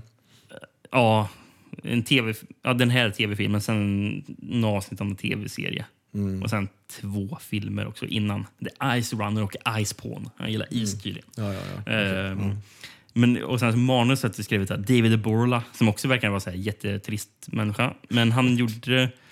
eh, han skrev den här Push från 2009 som Ja, en superhjälte. Eller jag vet inte vad det är för någonting. Ja, lite superhjälteaktigt. Men det som jag fastnade över, han hade gjort en film eh, som kom 20, år 2000. Eh, en Nostradamus-thriller som heter Nostradamus. Om Mm. en medeltida sekt som reser till nutid och försöker bringa fram jordens undergång. Det låter lite coolt. Ja, Är det, det- är det det, ti- låter lite coolt. Tv-film eller? Nej, det är en vanlig film. Ja. Fattar det som. Säkert direkt till video. Ja, eh, eh, regisserad av han eh, Tibor Takash, eller vad man uttalar det. Han som gjorde The Gate. Mm, just det. Mm. Så, den kanske man ska kolla upp i alla fall. Det, det lät lite småintressant faktiskt. Eh, vad tycker du om Daniel Baldwins Den är Baldwin är så jävla tråkig. Han hade ju just gjort Homicide, Life on the Street, den här serien som nu spelas i Baltimore. Är väl lite föregångare till The Wire. Här. Jag tror att de la ner den här i samma veva som han spelade in den här. Så det var väl på något sätt för att överleva fortsatte han att göra lite tv-produktion. Ska vi gå till nästa film? Eller Ja. först och främst... Vad hände emellan? nä- Nästa film är ju 97, så vi ska höra vad som hände 96. Då. Thrillen Where Truth Lies med John Savage och Kim Cattrall. Kim Cattrall, ja. ja. Eh, sen så, Wing Commander igen. Yes. Wing Commander Academy. Och nu är det inte ett tv-spel, utan nu är det en tv-serie. Oj då, oj då. Eh, så jag antar att det är baserat på spelet. då. För Ja. jag tror att det är ett spel från början. Jo, men det är det ju. Eh, Det är ett PC-spel tror jag. Ja, precis. Och någon slags PSJ-klickäventyr, tror jag. Eh, sen var med i datorspelet Mummy, Tomb of the Pharaoh. Någon slags full motion video-äventyr också. Då. Eh, sen tv-dokumentären 1914 till 1918 när han spelar Tsar Nikolas den andre. Ja. Sen så var den med som återkommande karaktär som snobbig professor i sitcomen Pearl. Det sjukt udda med Mark McDowell i en sitcom som ja. återkommande. Han är rolig liksom, tyckte de. Han kan med. Jättemärkligt. That's very good. For you. You mean for me? No, no, I, I- I mean that's very good. For you. Again with the for you. That's like telling Quasimodo his jacket fits nice. Mrs. Crowder, what I'm saying is, for you, that answer was quite adequate. Oh, and by the way, I think your jacket fits quite nicely. Apropå märkligt, ska vi prata om uh, film nummer fem här då? Ja. Två... Vad fan, den här jävla filmen alltså. Ja, 2103, The, Dead, The Deadly Wake. In the year 2103, one corporation will do anything for world domination. One man caught in a deadly game. We have a ship leaving at dawn and we need a captain. A routine mission turns deadly. Who would put a deadly cargo on a worthless ship?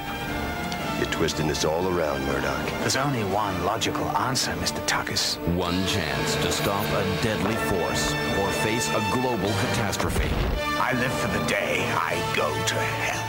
Eller som den hette, när jag hittade den, Hydrosphere. Hydrosphere. För att anledningen till att det här avsnittet ens kom till var att jag såg första kvarten av den här filmen på Amazon Prime och tänkte, vad i helvete, det här måste vi grotta i.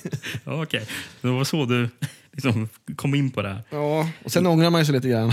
Nej då. I Tyskland hette den, hette den Dark Ocean, Eine Reise in den Tod. Yes, resa in i döden. Nu slutar jag hitta eh, svenska VHS, så nu får vi gå över till amerikanska. Ja, vi... Du har hittat en sån i alla fall? Ja, det, det gjorde jag. Mm. Överraskande nog, för det var inte mycket info jag hittade om den här filmen i övrigt. Nej. Det kan ju säga. Den har, den har kommit och gått lite grann utan att blivit uppmärksammad så mycket. A futuristic, heart-pounding, post-apocalyptic tale of sabotage and betrayal on the high seas. 2103, The Deadly Wake is an action-packed sci-fi thriller. Set in a dystopian future, the film stars Mark McDowell as Murdoch, a volatile 22nd century sea captain Yes. hired to command a high-tech freighter, and Michael Paré as his bitter rival Tarkis, mm. the security officer in charge of the crew. When the crew threatens mutiny after several mysterious deaths below deck, the pair come to the horrifying realization that they are marked for death in a deadly scheme of deceit and double cross. Now the two men must join forces in order to prevent an environmental catastrophe that threatens the lives of everyone on Earth.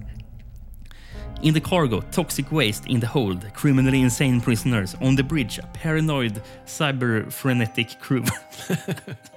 and stowed away, a savage homicidal horror. Och man kanske ska nämna som kapten en suput Ja, ja. eh, som spelas av Malcolm McDowell. Då. En överspelande Malcolm McDowell. Ja, det här är en helt obegriplig film. Jag kan säga ja, det är det. det här är den knäppaste jag sett på länge och då ser jag ändå rätt mycket japanskt. Liksom. Varför finns den här filmen? Varför utspelar den sig på havet? Hade det inte varit lite mer typiskt för den här genren att de är i rymden med någon jävla cargo? Liksom, och sådär? Ja, det är så jävla skumt allting i den här. De har ju till exempel som eh, någon form av navigatorsystem på den här båten så har de en, en, ett, ett foster i en tank Ja. som kallas för baby. Ja, jag höll på att bli galen. På. Varför? Det, det, är någon scen, de, de säger baby säkert eh, 20 gånger. När, när de ska, Mark McDowell ska prata med den där bebisen i tanken. Eh, och sen, det låter så jävla dumt. Bara, "T- tell me baby, tell me baby. It's all right baby. Och, Sluta säga baby. Slutet svar, han svarar ju på slutet när babyn i tankefesten. Baby mad. Börjar han prata. Han är riktigt arg liksom. Det är så jävla dåligt alltså. Baby, can you hear me? Who changed your Mayday parameters, baby? Talk to me, baby. Who planted those bombs? Who, baby? Just give me a goddamn name! Men varför detta konstiga biopunkinslag? Det känns ju inte så mycket i framtiden att liksom ha något konstigt foster sådär. Jag vet inte. Nej. Det är mycket som är skumt med här Jag vet filmen. inte om det känns så mycket i framtiden med de här båtarna de åker omkring på heller. Nej, nej. Så. Och sen då på, det, det blir ju en massa attentat på den här båten. Det är ju Michael Perea och eh, Mark, McDowell då, som är liksom någon form av vad ska man kalla dem? McDowell är ju liksom då en, en sjökapten som man anlitat för att han är liksom på dekis och man tycker att han är lättlurad. Och Paris ska ju då skydda det här storföretaget men efter ett tag så blir de ju liksom allierade där för att det är någon som eh, Ja, det är, det är liksom attentat på, på, på båten. De lägger ut bomber och såna grejer Mm. och liksom sprider någon gift så folk blir galna. Och, sådär. och sen visar det sig mot slutet att det också är en, eh, ja, som jag kallar det här i min anteckning, en gymnastiksyborg. Jag har sagt ninja. Ja. Eh, Någon kvinna i svart dräkt. ja. Och motorcykelhjälm typ. Ja, och det, det ska ju vara en cyborg där. Liksom. Ja, Och hon går runt och dödar folk för fulla muggar och spränger om man skjuter på honom och så vidare. Men då visar det sig att också att en så, så, kvinna som är på den här båten också är en havshäxa. så har de någon form av duell med den här, med den här cyborgen på slutet. Ja. Kan du förklara lite grann runt den här havssexan, hur det hänger ihop? Du vet vad, det kan jag faktiskt inte. Eh, kan du snacka om vad det är här tjafset är med nigerianer? Nej, men det, de åker ju in över Nigerias territorium. Okej, är det det som händer? Nigerias, inte Nigarias, Nigerias territorium. Ja, är det det och, då, och då vill ju liksom, eh, ja, de, deras flotta säger ju här kan ni inte passera för att ni har deadly cargo. Men de börjar, börjar skjuta lite missiler på dem och grejer. Ja, det blir lite tension i alla fall. Ja, och sen ska de ha någon slags worldbuilding i början. Det var någon karaktär som säger en för jävla dum kommentar. We become the first corporation since Disney to join the UN. Va? Så de är något företag? eller De är inte ett land? Eller? Nej, det, är ju det, det heter ju någonting. Det är ju det här företaget som har... Tarkus, eller vad heter Tar- det? Ja, precis. det. och det är de som, de, eh, McDowells karaktär tror ju att de ska frakta någon form av proviant va? eller någon, någonting sånt där. De blir ju lurade. Det är ju egentligen någon, någon, någon jävla toxic waste eller någonting så. Något, något, eh, något, är det kanske nå- någonting för krigsföring då? Visst var det så kanske? Att, det, att de säger att det är någon Du bil- kan inte säga visst var det så, för jag är otroligt förvirrad av den här filmen. Men för, för risken är ju att, jag vet inte varför, men det här storföretaget vill ju på något sätt att det här ska läcka ut eh, i vattnet. Så det blir liksom jordens undergång eller någonting kanske. Jag vet inte. Fan, det, det, är, det är obegripligt. Alltså den här filmen Ja. går inte att förstå. Nej. Det enda jag förstod var att Malcolm McDowell är full. För, han, för, för, han, för, de, för att visa att hans karaktär är super ut så har han ju typ en whiskyflaska i handen konstant. Ja, ja. I varenda scen så går han, står han och dricker whisky. Eller vad det nu är för någonting. Det skulle ju inte förvåna mig om han var full på riktigt. Alltså. han Jag vet ju att han ibland. har- under vissa perioder av sitt liv har slitit med lite kokainproblematik och sådär. Så Ja, okej. Jag kan tänka mig att det blev lite vått åtminstone där på båten. Alltså, när, när du sa att vi skulle se den här filmen så kollade jag på omslaget och då trodde jag, jag såg först inte att det var Malcolm McDowell utan- jag trodde det var Kiefer Sutherland i Lost Boys. För det ser han ut som med det där Ja. håret och här Precis. Sen finns det en annan underbar framsida där han står och röker pipa också. Hur fan. Han gör ju det på Ja. slutet av filmen, då står han som en sjö, sjökapten. sjöbusar. Liksom. Ja. Michael Paré också då, är ju med. Och han, de har ju faktiskt gjort film förut. Emmerich eh, Moon 44 var ju både McDowell och Jaha. Michael Paré med i. Som 1990 där va? Mm, ja, ja, något sånt där. Ja, det var några år innan här i alla fall. Mm. Runt 90 kan jag tänka mig att det var. Eh, Michael Paré har ju också varit sådär som har varit inne och trasslat rätt mycket direkt till videoträsket. Men även gjort Virgin, Virgin Suicides, Sofia Coppolas film och Lincoln Lawyer och Streets of Fire är väl den som han kanske... Ja, just det. Mm. Han spelade, som han blev, lite, han blev lite grann en stjärna i. Då. Mm, mm. Och han har väl inte heller så roligt i den här filmen, kan jag tro. Liksom. Det kan jag jag har svårt att tro. Jag såg att den gick på bio i Kanada. Det är väl en kanadensisk produktion tror jag. Ja, men att den gick på bio, det är jag lite överraskad av. De körde upp den på en jävla biograf för att, visa, för att ha en biopremiär. Liksom. Som idag ungefär. På Houston International Film Festival vann den Gold Award för Best Film. Kan, bara, kan Under, inte vara med under sci-fi horror-kategorin, men vad fan. Då skulle jag vilja veta vilka andra som tävlar i den kategorin. Det skulle jag också vilja veta. Först, förstod du det som stod i post-credits? Det stod "An- any resemblance to persons living or dead or ocean going ghost is purely coincidental. Vadå ocean going ghost? Jag vet inte. Har någonting med den där häxan att göra? Eller? Ja, förmodligen. För att det, det, filmen slutar med, nu spoilar jag lite grann, men skitsamma. Det slutar med att hon åker i framtiden, då, ännu längre fram i framtiden, med, med en båt där det är något problem. Och då pratar hon ju med den kaptenen och så börjar hon berätta om den här historien. Då, Mm. liksom, att ja, är, han finns där ute på havet fortfarande. Så att det, det är lite så här spökhistoria-känsla också då, runt, Mm, runt mm. omkring det. Men jag fattade inte ens riktigt hur den här sjöhäxan hur de kom in i historien. Helt plötsligt tycker jag han bara är där. Hon har varit liksom någon sån här birolls... Ja, typ bara i bakgrunden lite grann. Helt plötsligt så har hon någon form av nästan huvudroll i filmen och ska slåss mot Cyborgen och allt möjligt medan McDowell är full. Mm. Nej. Tycker du det var snygg CGI? Nej. Det var inget som var snyggt med den här filmen. Jag Det är väldigt mycket eh, såna här sepia-färgade scener. Mm. Där allting är bara brunt. Är det för att det ska se lite sån här ut som en dystopisk framtid? Eller? Ja, och sen lite, så lite nedgånget fartyg. Egentligen så är de ju en jävla kuli- kuliss eh, uppe i Kanada någonstans. I Toronto är den filmad, Ja. ja. hittar jag. Ehm, Med på någon jävla någon lagerlokal och filmar. Så har de ställt till med, det är en massa så här tunnor med, med, som ramlar runt och sådär. För Ja. att visa att man är på en båt. Jag såg att regissören Philip Jackson gjorde en film 92 som heter Strange Horizons. Som hade beskrivningen The story of a war between men and women in the 21st century. Ja, ja, kanske ja. en hit också. Så det kommer utvecklas. Alltså. Ja, ja, det kanske har något med det här att göra. Ännu ett framtidsscenario. Vet du vad? Jag hittade en positiv recension på den här. En 10 av 10 recension på IMDb. vad underbart, det vill jag höra. Dark Magic Works on High Seas. Han, eh, den här recensionen är från år 2000. Den här människan skriver 2103 The Deadly Wake is freaky but a film with cool mystery. I think Mark McDowell and Michael Paré are great. McDowell as the captain of futuristic fighter plays the good guy. A strange demented good guy. What a neat call. Paré is cool as suspicious security offer, officer Tarkus. Vad heter han Tarkus? Ja, det, tar, ja, det Okej. heter någonting på P, tror jag, organisationen. Okay. This may not be for everyone because it makes you think freaky ideas. Mm, that, that's the best part about some lower, lower budget films, which this probably is. Kanske. The freedom to do something that is not the same as your typical shows. In sci-fi, there are too many predictable films. There's a deadly, sexy female cyborg who you won't find on any Star Trek, and a relentless post-apocalyptic feel I liked. This good-looking film isn't predictable. Thank goodness. I recommend it. 10 av 10. Nej, men alltså, den är inte predictable, kan man ju inte säga. För att man förstår ju inte riktigt. Och, alltså, det här slutet med, med häxor och cyborger och grejer, det, det hade man ju inte sett komma. Det kan du ju inte säga. Nej, nej, nej, det hade jag inte gjort. Oj.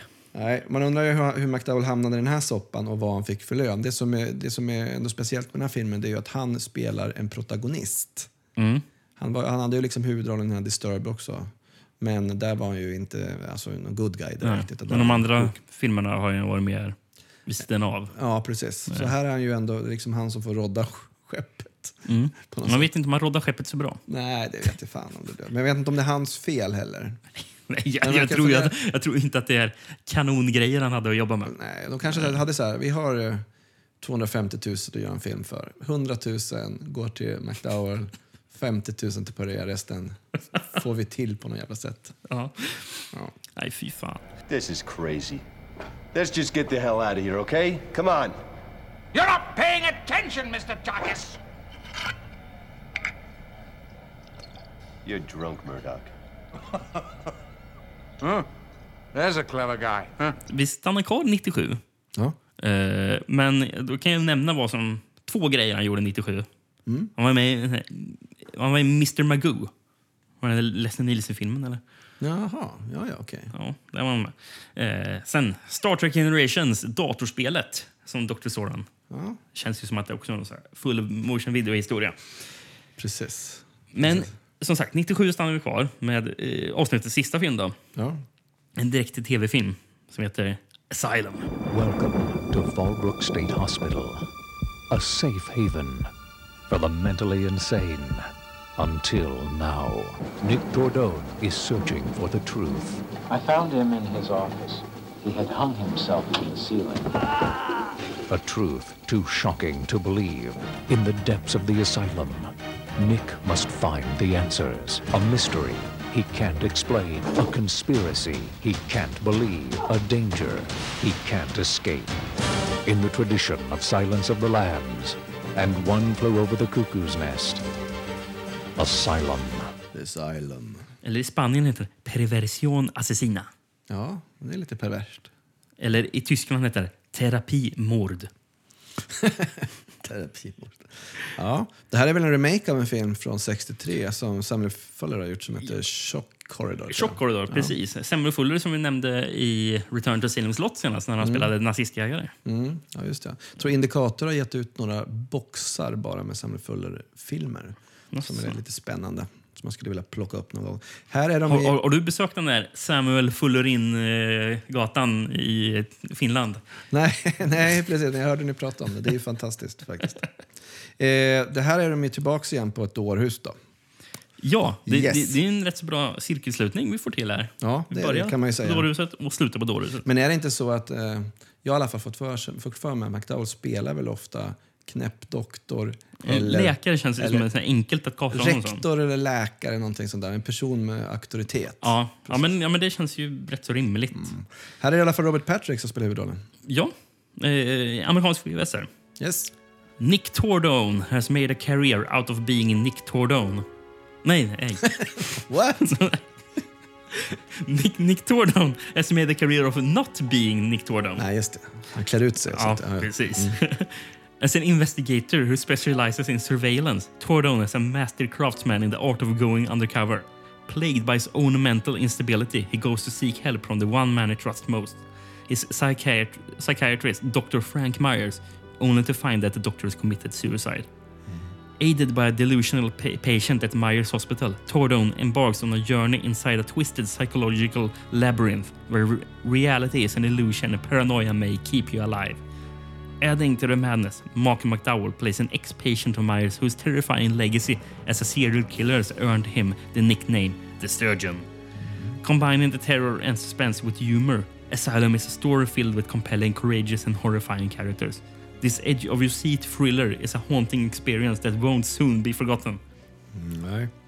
Eh, vet du vad de gillar i den här filmen? Nej. Blinkande stroblampor. Tänkte du på det?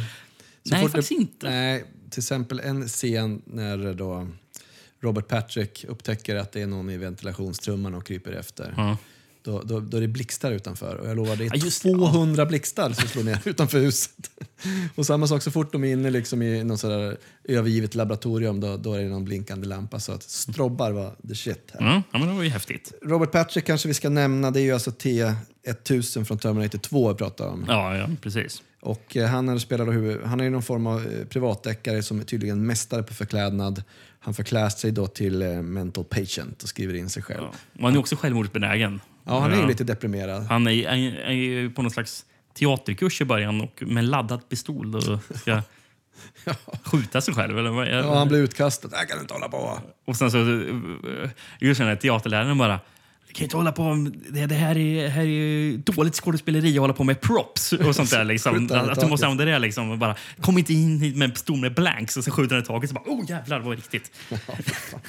Ja, det är lite roligt. Eh, Men eh, Robert Patrick eh, gör ju typ en min i hela den här filmen. Gång på gång. Han är en robot typ. Ja, men han är väldigt, väldigt robot, robotlika. Eh, sen är det, ju, det här är ju ytterligare då liksom en vårdinrättning som är jävligt sunkig faktiskt. Väldigt det, dåligt skött. Det är riktigt kul när han kommer in på dårhuset när han har skrivit in sig där och det ligger liksom bara loonies här och där i, i korridoren och skakar. Det ligger någon på en bår och liksom hugger tag i han i armen. Och, och, alltså det är typ så här, vad fan, vad sysslar ni med på det här stället egentligen? Ja, det är kul att också cirkelslutningen, den här Irving Keys, skådespelaren. Mm. Jag nämnde inte honom förut, men han var med ju även i Disturbed. Ja, okej. eh, var han eh, som patient. Mm. Och här dyker han upp igen som screaming patient. Jaha, ja, ja. Eh, han har ju väldigt eh, karakteri- eller speciellt utseende. Han är, han är med i första fredagen den 13 det står i... Ja, just det. Ja, ja, nu vet typ- jag vem du menar faktiskt. Ja, han står i någon restaurang och... eh, Ja, ja precis. Han. precis. Jo, men jag såg han. Eller diner eller vad han är på. Ja. Ehm, men han har ju väldigt speciellt utseende. Ehm, Annars tycker jag den här filmen spretar lite grann. Den, Det ju, gör den. den vill ju vara lite otäck och lite psykedelisk nästan ibland. Delvis liksom- så gillar jag den. Den har ändå någonting. Och sen så har den inte någonting också på samma gång. Det som jag tycker drar ner det är liksom de här komiska elementen. Han, det är ju någon jävla fåntratt där som jag tror att han är en superhjälte. Ja, och, och den här skådespelaren, Mm. Det känns nästan som att eh, jag känner igen, jag känner, man, man känner igen honom. Mm. Och jag vet inte om det är en komiker, eh, men det känns som att det är en komiker som har fått rollen. Mm. Och att han har nästan sålt in sig själv med på att varenda scen han ska vara med Mm. är som han spelar med patienterna som har lite så här ja, vanföreställningar. Ja, ja, Eh, så att det det är nästan som att i varje scen ska han spela en, an, en, en speciell karaktär. Senast eh, som bara, åh nu är jag superhjälte. Ja, ja, Och den andra scenen, som, som, då, då spelar han en bookmaker. Det är bara för att han ska få göra lite olika så här komiska roller känns det som. Och det känns väldigt så här... Han är med i någon Saturday Night Live. Ja men det känns lite så här på det sättet liksom att bara, åh nu, och nu ska jag få chans att göra en annan roll här. Det är så jävla dumt. Sen när Han har, han har ställt upp, det är liksom en tennisplan eller vad det är, bredvid du, han, han, känns som, han känns väldigt likt, lik Robert Schneider. Robert Schneider skulle kunna spela den här rollen. Ja, ja men det, det håller jag med om. Men han har ställt upp eh, alltså, olika då, intagna som av någon anledning har fryst. Vilket man tydligen kan göra på ett dåligt och stå helt stilla i någon pose. Och då har han ställt upp dem som ett schackbräde utanför på en tennisbana. Ja. Så kommer Robert Patrick och tittar så här, fan vad han är god ändå liksom. Vilka, vilka spektakel han kan komma på. Det är extremt töntigt, fånigt. Eh, sen så tycker jag ju, de, de lindar ju runt McDowells karaktär på ett ganska roligt sätt här. Att han, är, det, han kommer ju dyker upp först som en helt diffus figur i någon jävla peruk. Och man förstår direkt att det är McDowell. Han är ju, han är ju galen doktor och så vidare. Ja, galen. och han har en konstig eh, dialekt också. Ska det vara föreställa en amerikansk dialekt han försöker sig på, eller vad är Jag det? vet inte riktigt. Han pratar jättemärkligt. What do you want for?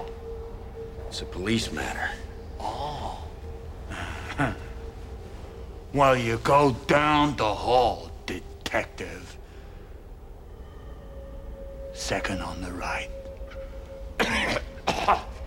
Tell him Doc sent you! Men han har en usel svart peruk. Och sen så har han eh, såna här gröna kirurgkläder som är blodiga. Ja. Men är det en herring som de slänger ut så att vi ska först tänka direkt att ah, där är ju skurken? Ja. Och sen, så, sen, så, sen så visar det sig att han är ju inte liksom, den, den slutgiltiga bad guyen heller. Han använder dem lite grann för att man ska, mm, Precis. man Men ska det jag, snubbla inte, runt lite det jag inte fattar, Mm. är han en patient Ja. på sjukhuset? Han har smitit, men han är fortfarande kvar i huset. Men spelaren men ska låtsas vara en annan. Som, som personalen pratar ju om den här patienten. Ja, så nej, de men vet han- ju att han finns där. Ja, de vet ju, han dyker ju upp, men han har ju, han har ju dragit därifrån, tror de. Men han har ju egentligen bara gömt sig under dårhuset. Jo, men han går ju omkring, fritt omkring på sjukhuset i Men korridoren. då har han ju förklätt sig med den där peruken. Men vem tror eh, personalen att han är då? Nej, de vet inte. Det är bara någon läkare. Nå, någon, någon kirurg som går in i blodig rock varenda dag? Japp, typ. Något sånt. Så tolkar Okej. jag det i alla fall. Ja, det var ju- Sen så ja. de målar ju upp hans karaktär som någon form av Hannibal Lecter. Där, att han är... Ja, men han, han är ju most, FBI Most Wanted pratar de om. Ja, han är. precis. Eh, Han har en tatuering på halsen som tydligen är någon fornnordisk vikinga... han har en kniv eller vad är det Ja, och, och det, han gör att han tror att han, han får sina offers livslängd adderat till sin egen, säger han. Ja. So I'm gonna stick along for a long time. Och sånt där, säger han. Så att, ja, men det är ganska kul för att han har någon form av nästan, vad ska man säga, tunnelsystem under Mm. det, det här dårhuset där han liksom kryper runt och har kroppar och grejer. Och, ja, sen så blir det en twist på slutet som visar att han kanske inte var det ultimate bad guy ändå. Liksom, utan, så att jag, jag tycker att de använder han på ett ganska bra sätt. Hans liksom överspel funkar ju mot det torra då, som Jag tycker det, det fungerar bättre när, man, när, man, när han avslöjas för att vara den här Mm. eh, seriemördaren. När han går omkring i, och spelar över i, med den här svarta peruken. Ja, då är det skitdåligt. det är Men jag tror nästan meningen att man ska liksom, fan det där stämmer ju inte. Ja. Där ser vi ju, det är McDowell i en svart peruk. Ja, det ser väl vem som helst. Liksom. Ja, precis. Eh, precis. Men inte helt oväntat. Eh, spoiler, om man bryr sig om spoiler från den här filmen så är det ju det är den här eh, Henry Gibson som Ja, sitter i rullstol som Mm. är skurken. och det är inte så svårt att fatta direkt att han är skurk för, för han spelar ju lite på samma sätt som när han spelar i den här filmen En djävul till granne. Han Ja, ja, spelar precis. eh, Dr. Klopek där. Ja, just det. Ja. Bara vänta på att den här Brother Theodore också ska dyka upp. Klopek. What is that, Slavic? No! Han är med- en ganska stor skådespelare som inledningsvis är med ganska lite också. Så man Ja. förstår att han, det kommer finnas- något mer runt den här Mm. figuren. Han spelar väl också domaren i den här långköraren Boston Legal. Här. Ah, Han kör ah. en jäkla massa år där. Sen har vi med i Blues Brothers och Paul Thomas Andersons Magnolia, lite allt möjligt sånt där. Mm. Jag tror han, han är väl död nu sen tio år eller sånt där. Tror jag. Ja. Ja, det, är, det är alltid en djävul till granne jag associerar honom med. Ja, men det, det gör jag faktiskt också. Ja. Den här filmen hade ju premiär på HBO förresten. Mm. Det är en tv-produktion. Ja, precis. Um, regisserad av James Seal. Ja. Jag Har du något på den killen? Han gjorde Scorcher från 2002 med Mark DeCascos, eh, John Rhys Davis och Rutger Hauer. Jaha. Om att man ska spränga en atombomb i LA för att rädda mänskligheten. Ja, fan det såg jag. Läste jag. bara, what? Det här vill jag se. Det lät Varför? lite spännande. Varför ska man rädda mänskligheten genom att spränga en atombomb? Ja, jag vet inte. Men, ja, men jag tror det är någon eh, meteor kanske. Eller Det är någon, det är någon sån här undergångsfilm i alla fall. jag. Och när kommer Rutger Hauer in the 90s-avsnittet liksom? Det är en bra fråga. Ja, herregud. Ja, nej, men det här, alltså, den här puttrar på. Jag tycker det är, liksom, det är, det är inte en dålig film sådär. Samtidigt så, den har ju, ja, den är, det är inte bra heller. Och, Mm. och grejen är väl att Robert Patrick är väl kanske ingen super huvudperson sådär heller. Han är väl inte så jättekarismatisk sådär liksom. Men jag stör mig inte så mycket på honom heller. Men han, han blixtrar inte riktigt till i, någon Mm. gång i den här Nej. filmen. Nej. nej. Vad hände sen då? Malcolm McDowell. Ja, vad hände? På, på 2000-talet så blir det väl, du har säkert tagit reda på det, men det blir ganska mycket tv-spel han är röst till och sådär. Väldigt mycket. Mm. Han är till exempel eh, röst i, eller säkert video, eh, i Command and Conquer Red Alert 3. För de hade ju hela tiden släppt full Mm, motion-sekvenser i den. Mm. Eh, sen var det ett datorspel som heter Wet. Ett Ja, datorspel som heter Bolt. Ja. Och sen God of War 3. En röst någon där. Kredit. Ja, ja, eller hur? Eh, sen så som sagt, Firestarter 2 Rekindled eh, från 2002. Eh, Och sen så 2007 hände det ju. Eh, ska nu spela Do- Dr. Sam Loomis eh, i Halloween. Ja, det. Eh, och sen så spårar det verkligen ut i Halloween 2 där han gör eh, Dr. Loomis att spela världens största as på hela jorden. Eh, han är han är mer skurk än vad Michael Myers är i Ja, den filmen. faktiskt. Sån där jävla och- vita hästen. men jag, jag såg en intervju där McDowell hade sagt I thought it would be fun to really make him a total asshole because, because I felt in this particular, particular script it needed some light moments. Something you could laugh at. He's such a buffoon. He's such an asshole that you can actually laugh at it. Men så kan man inte göra med Dr. Loomis. Nej, dåligt. Nej, det spretar lite grann den filmen. Så han är Sen- väl med i ni- Entourage också? va? Han är inte pappan till, till typ eh, ja, han huvudpersonen, vad nu heter. Ja, det minns jag inte. Jag tror att han är med där. Eller en producent. Han är i alla fall med. Mm. mycket. Han var med, 98 var han med i filmen The First Nine, nine, nine and a Half Weeks. Någon slags uppföljare till Jaha, en halv vecka, eller? Något direkt till video. Ja, det måste det vara. Sen så, sist men inte minst, som jag skriver ner. Millennium Bug-filmen Y2K från 99 med Louis Gossett Jr. Om en atombomb som ska smälla på grund av Millennium-buggen som ska försöka... Åh, varför hände inte det? Synd. Jag, är, fa- jag kommer ihåg när när det liksom närmade sig. Jag tror du menar att du kommer kom ihåg när Y2K, den filmen Nej, kom med Louis. Gossett Jr. Men jag kommer ihåg det där snacket innan övergången till 2000, 2000-talet. Att man liksom var orolig för att datorerna skulle balla ur. Då. Ja, jo. Varför, jag vet inte. Men det var liksom, företag investerade skitmycket i folk som gick in och ändrade saker i deras datasystem för att, för att undvika... Han snackar om bortkastade pengar alltså. Han fick, eh, McDowell i alla fall, om vi återvänder till han, eh, fick en stjärna på eh, Hollywoods Walk of Fame 2012. Oj, oj, oj. Så han är ändå erkänd. Och det är lite kul för att om man pratar, om man, så alltid när det pratas om McDowell så, så snackas det Clockwork Orange. Så på Mm. något sätt så finns det ju alltid liksom med en som hans stora, Mm. som Ja, hans det gör stora bedrift. Liksom. Alex i Clockwork Orange. Nej, men eh, på något sätt så McDowell han är ju alltid en stjärna och alltid sevärd. Jag vet inte fortfarande om jag tycker det är bra om han eller illa om han, men på något sätt så är han en institution i sig själv.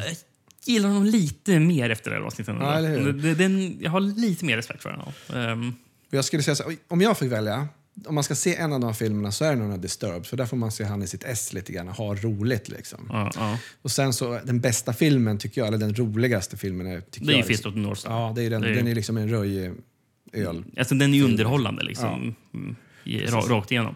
De andra kan man nästan skita i. Ja. Eller gå in på Amazon Prime och kolla upp eh, 2103. Ja, precis. Deadly Wake. Ja, har man Amazon Prime så tycker man ska i- Då tycker du man ska se den. ge sig på den. Och sen så får man gärna skriva till oss på From Beyond och berätta vad man tyckte och hur det hänger ihop. Absolut. Vad är det de fraktar eller, som är farligt? Ja. Ja, Kemiskt att avfall eller? Och hur kommer den där eh, sjöhäxan in i bilden? Ja, precis. Jag vill veta mer. Jag vill fördjupa mig ytterligare.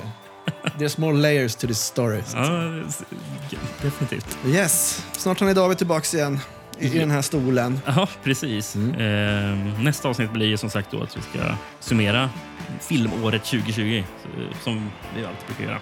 Lycka till med det. Vi får se. Tack så mycket. Ja. Eh, tack själv.